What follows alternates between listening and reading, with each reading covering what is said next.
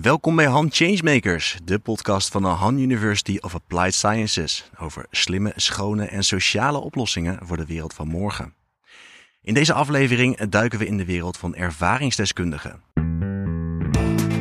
I'm full of optimism about the future innovations, partly because we have more innovators than ever before. net zero by 2050, blah, blah, blah. As we mark the International Day for the Eradication of Poverty, we face a harsh truth. The world is moving backwards. Wist je dat jij je werk kunt maken van zaken die je in het verleden hebt meegemaakt? Denk bijvoorbeeld aan schulden, verslaving of psychische problemen. Steeds meer mensen doen dit. Het aantal ervaringsdeskundigen in Nederland groeit hard. En je kunt aan de hand zelfs een opleiding volgen tot ervaringsdeskundige. Maar wat doen die ervaringsdeskundigen eigenlijk? En hoe effectief zijn ze? Daar gaan we het vandaag over hebben. Mijn naam is Sjoerd en ik ben op bezoek bij gediplomeerd ervaringsdeskundige Laura Liebrecht. Ik loop in het Limos Park in Nijmegen en hier staat de kentering. Dat is de werkplek van Laura. Ik ga even aanbellen om te vragen wat ze hier precies doet. Hallo. Hallo, ik, uh, ik ben Sjoerd en ik ben op zoek naar, uh, naar Laura. Dat ben ik. Kom erin. Dus dit is jouw werkplek? Dit is mijn werkplek. Ja, ja, ja. we zijn er helemaal uh, blij mee dat we aan zo'n mooi park liggen. Waar zijn we precies? Wat, wat is de kentering? Nou, de kentering is een, een, eigenlijk een herstelacademie. Uh, maar dan eentje die al wat langer bestaat dan de meeste. Dus uh, we bestaan eigenlijk al twintig jaar. Wat is een herstelacademie? Een herstelacademie is een plek waar je op eigen regie en eigen verantwoordelijkheid ja, kracht kan verzamelen om te herstellen van een ontwrichting. En in ons geval is dat een psychische ontwrichting. Um, dus mensen kunnen hier cursussen volgen, lotgenotengroepen meedoen, cliëntondersteuning krijgen, om daar weer krachtiger uit te komen. Ik zie ook een wandje daar verderop en daar staan allerlei flyers uh, in een zwarte vormgeving en witte letters erop met gek in de klas. En dat is volgens mij een project dat uit jouw koker komt. Nou, met gek in de klas gaan wij uh, een, een, klas in en dan vertellen wij ons ervaringsverhaal. Dus wie zijn we? Wat hebben we meegemaakt? Hoe is het om psychiatrisch patiënt te zijn? Maar ook hoe word je dat dan? Hè, hoe krijg je zo'n diagnose? En ben je dan gek? Uh, kun je dan nog normaal meedoen? Leerlingen mogen ons ook echt alles vragen. En ik denk dat dat heel veel angst wegneemt en het onbekende wegneemt. Hoe ben jij hierin terechtgekomen? Ja, nou ja, ervaringsdeskundige is natuurlijk een raar beroep. Hè? Je wil eigenlijk niet dat, dat iemand dat wordt. en toch ben ik ook wel heel blij dat ik het geworden ben. Um, ervaringsdes ik ben zelf ervaringsdeskundige geworden um, omdat ik eigenlijk in een soort van carrière impasse zat. Ik was ooit journalist. Ik viel uit. En met de klachten die ik had, was het heel duidelijk dat ik niet terug kon in de hectische wereld van de journalistiek. Um, ja, want je was journalist, maar dat, dat ging niet meer vanwege. Ja, vanwege. Van, ik ben heel erg over mijn eigen grens gegaan. Uh, ik, ik had al een diagnose in het vak. En mag ik weten wat die diagnose is, of, of word ik dan te persoonlijk? nee, dat mag je best weten. Uh, dat is een bipolaire stoornis, oftewel manisch-depressief. Um, het, hoort, het hoort denk ik ook wel bij de term ervaringsdeskundige dat je snel geneigd bent om te vragen: wat heb je dan? En ik ben daar ook niet moeilijk over. Um, maar het is natuurlijk wel een, een discussie. Hè? Moet een ervaringsdeskundige altijd ook zijn, wat dat betreft, een medische diagnose prijsgeven? Dat kun je je afvragen. Ja. Maar jij doet het wel. Ik doe het maar wel. waarom doe jij het wel? Om te normaliseren. Ik denk, natuurlijk is het een medische diagnose. Je vraagt een, aan iemand op straat ook niet zomaar: hey, wat, zou jij, wat zijn jouw medische diagnoses? Um, maar ja, ik denk hoe meer mensen gewoon zeggen wat ze hebben, hoe normaler het is. En je hoeft je er ook niet voor te schamen. Ja. Kijk, dat is een, een, mooie boodschap. Daar gaan we straks ook over verder praten, want we gaan zo naar de podcaststudio. Daar zit nog een gast op onze wachten, die heeft uh, onderzoek gedaan naar ervaringsdeskundigen. Zullen we die kant op gaan? Goed plan.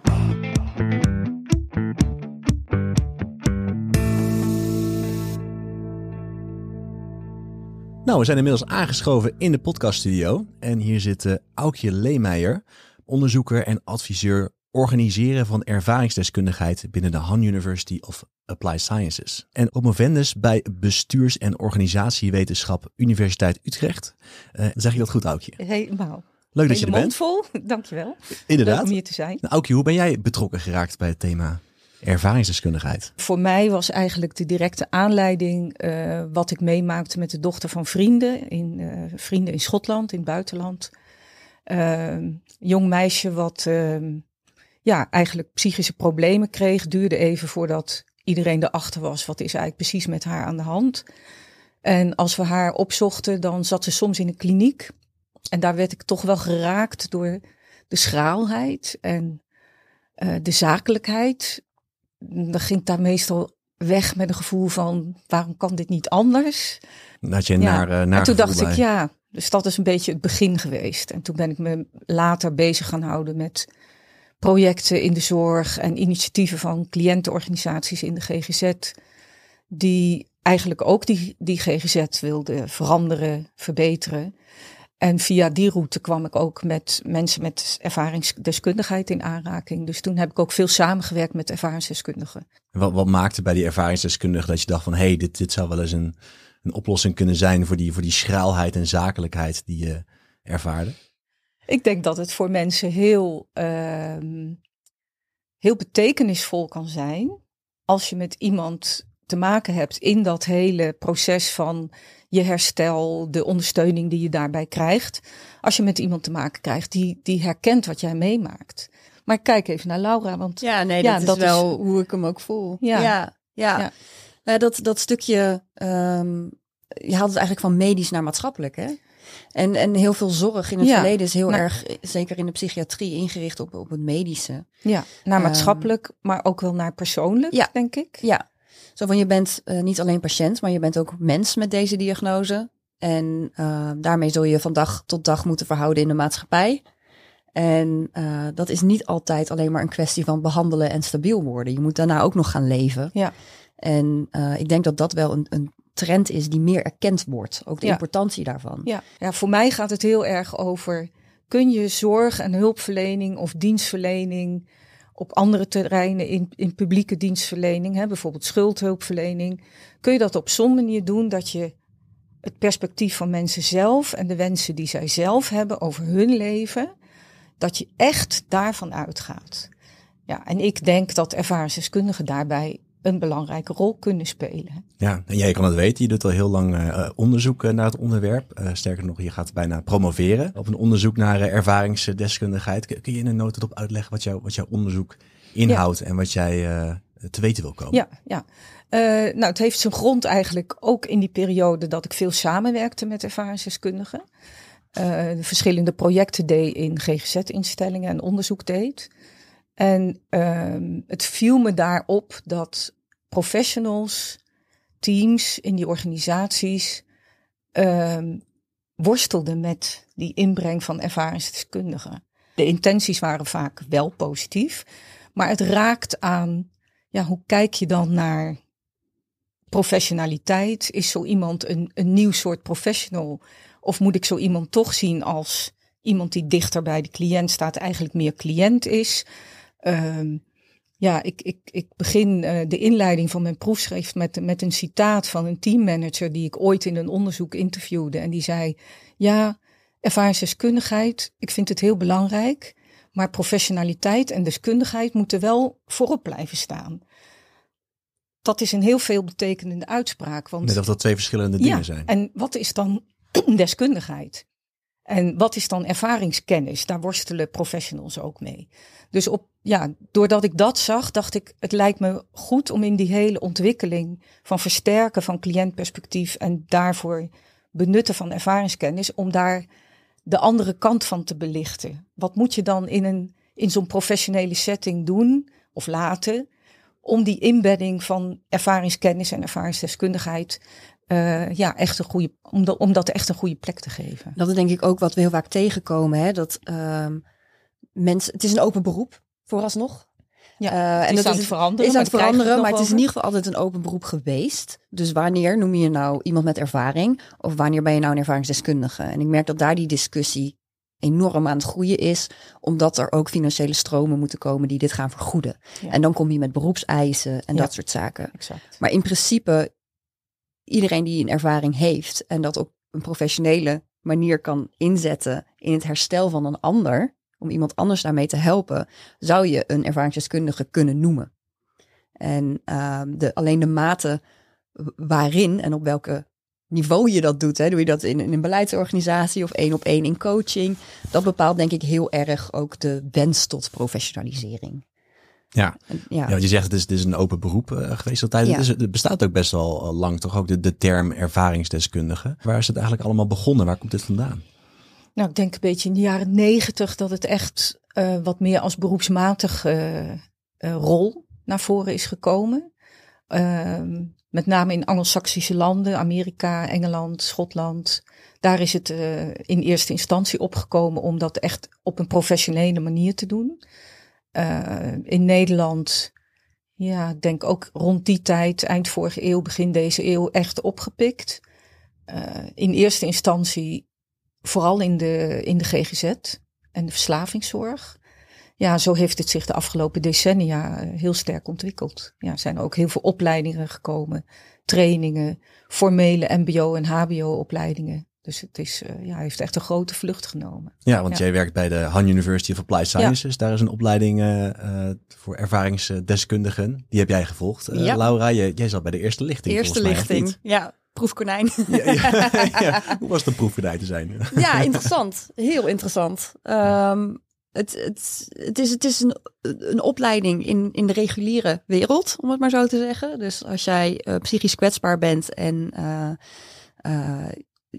dan heb je vaak een, een wat aangepaster ritme of een, een mindere belastbaarheid om gewoon uren te draaien en te zaakjes normaal mee te doen aan de maatschappij. Eh, en dan is het best wel even een stap om eh, toch wel weer naar zo'n 40 uur week te gaan. En daarnaast is het, brengt zo'n opleiding ook veel discussie met zich mee. Gewoon ook onder mensen die, die hem volgen. Op dag één gaat het over de term herstel. Ja. Ja, wat is herstel? Wanneer ben je hersteld? Ben je beter als je bent hersteld? Ehm, mag je ook nog terugvallen als je bent hersteld? Eh, dat zijn allemaal dingen waar je ook met elkaar over in discussie gaat. Wat denk ik heel goed is. Want het is, het is ook geen vaste wet. Ehm, Want waarom is dat dan een relevante vraag? Ben je, ben je hersteld? Zou je anders niet kunnen opereren als ervaringsdeskundige? nou, dat is dus een vraag. Ja, Ja, dat is echt een vraag Dat op is een zich. vraag, ja. Ja. Kun jij ook ervaringsdeskundig zijn en nog worstelen met je kwetsbaarheid? Of moet je helemaal, eh bij wijze van spreken, uitbehandeld en beter zijn? En kan dat überhaupt wel? Wat vind jij? Ehm, ik, vind, ik vind niet dat je helemaal beter... Ik denk niet dat dat kan. Je kan niet beter zijn, naar mijn idee. Mijn, mijn opvatting is dat een kwetsbaarheid iets is wat een leven lang met je meegaat. Ehm, ik noem het een kwetsbaarheid omdat het een, een kwetsbaar onderdeel van mij is... waar ik van dag tot dag ook voor moet zorgen dat ik stabiel blijf. Eh, ik ben geen kwetsbaar persoon. Dat is wel nog een mooi onderscheid om te maken. Ehm, en in die zin eh, vind ik ook dat ik het, het recht heb, als het ware, om terug te mogen vallen. Het kan best zijn dat ik uitval of dat dingen mij te veel worden, omdat in elke levensfase word je weer met nieuwe uitdagingen geconfronteerd. Ehm, maar goed, ik, ik herken ook dat je je professioneel moet verhouden. Dus als ik in die systeemwereld ga werken met reguliere hulpverleners, dan zou ik dat ook moeten kunnen uitleggen. Ik denk Ja. dat die professionele wereld, dat daar ook dingen moeten veranderen. Voor mij gaat het naast dat herstel ook over eh, een heel principieel punt. In alle beleid en dienstverlening in het publieke domein, dus of het nou over zorg gaat of over ehm, schuldhulpverlening, armoedebeleid, eh, beleid voor mensen die dakloos zijn geworden ontwikkel dat niet zonder mensen zelf te betrekken. Dus dan gaat het helemaal niet per se over herstel, maar dan gaat het over het perspectief van de mensen voor wie je het doet. En of dat nou onderzoek is, of beleid maken, of dienstverlening organiseren, of in een zorginstelling werken. Ja, hoe, hoe, hoe kun je zorgen dat dat perspectief. Ja, er wordt altijd gezegd, hè, dus de cliënt centraal. Om dat echt te doen, ja, daarvoor heb je in mijn optiek ook echt die mensen zelf aan tafel nodig. En dan heb je het over rollen, Ja, eigenlijk. Ja. Maar, Want- maar begrijp ik dan goed dat het ook niet per se gaat om het resultaat dan, maar gewoon alleen al om... om nou dat, ik soort denk van- dat het vaak ook wel gaat om het resultaat. Mhm. Maar voor mijzelf, maar daar, vers- dat is denk ik voor, voor, niet voor iedereen zo. Voor mijzelf is het ook een principieel iets. Maar om toch even op dat effect in te haken.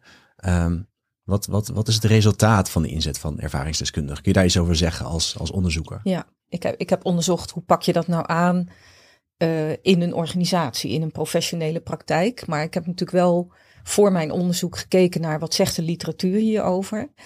Ehm, nou, kan, zijn denk ik twee belangrijke dingen. Het eerste is, uh, er zijn wel onderzoeken gedaan op de klassieke manier waarop uh, bijvoorbeeld medische richtlijnen tot stand komen of protocollen in de hulpverlening tot stand komen.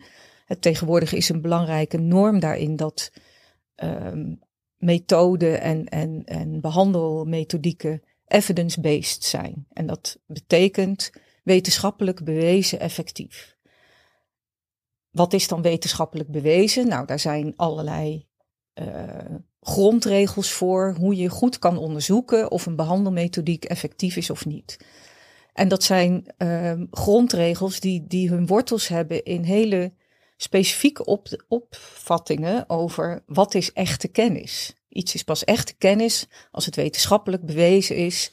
Volgens, nou, er zijn dan allemaal methodieken, bijvoorbeeld met een controlegroep. En bij wie uh, is, is er dan een groep mensen die hulpverlening krijgt met ervaringsdeskundigheid en eentje zonder. En kun je dan verschil zien. Nou, dit is even heel kort door de bocht hoor. Uh, volgens die uh, onderzoeken, die zijn er überhaupt maar heel weinig.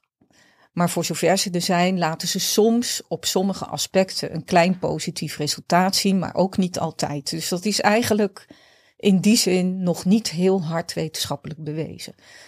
Maar tegelijkertijd, er is ook heel veel kwalitatief onderzoek, waarin mensen die zelf ervaringsdeskundigen zijn, cliënten die uh, hulp krijgen van ervaringsdeskundigen of professionals die samenwerken met ervaringsdeskundigen geïnterviewd zijn.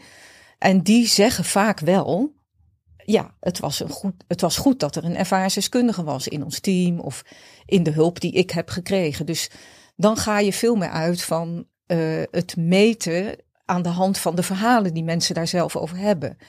Nou, dat is ook nog weer een hele discussie van wat vind je dan echte kennis?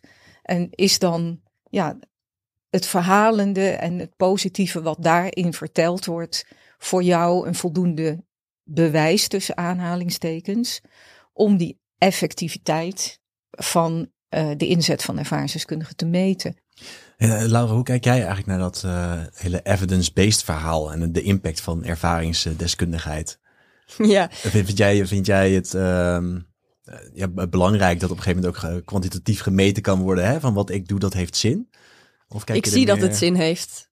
Hoe zie je dat? Ja, nou ja, kijk, ik kom zelf ook wel uit een wetenschappelijke achtergrond hoor. Ik heb ook op de universiteit gestudeerd, dus ik weet het belang van dit soort onderzoeken echt wel. En het zorgt ook dat er uh, financiën vrijkomen als iets wordt erkend, hè, van dit heeft, heeft nut.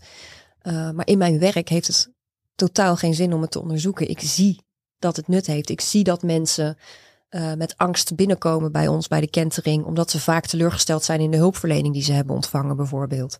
En dat als je zegt, welkom, ik ben, ik ben ervaringsdeskundige hier, doe je verhaal. Dan hoef ik nog niet eens te zeggen wat ik heb of wat ik heb meegemaakt. Maar iemand ontdooit al. Er valt al een last af van, oh, ik moet weer aan iemand die eigenlijk niet begrijpt wat ik doormaak, gaan uitleggen wat ik doormaak. Dat hoeven ze niet bij ons. Um, en dan kan, kan je echt wel iemand tegenover je hebben zitten die een hele andere diagnose heeft. Wat, wat ik ook niet altijd zal begrijpen. Ik heb bijvoorbeeld zelf nooit stemmen gehoord. Uh, dus als iemand tegenover mij zit die dat wel heeft, dan weet ik niet hoe dat is. Maar ik weet wel hoe het is om niet begrepen te worden, om buitengesloten te worden van deelname, om op te moeten starten. Um, en dat, die onuitgesproken herkenning en erkenning, zorgt al voor een soort ontspannenheid. En oh, ik mag hier zijn.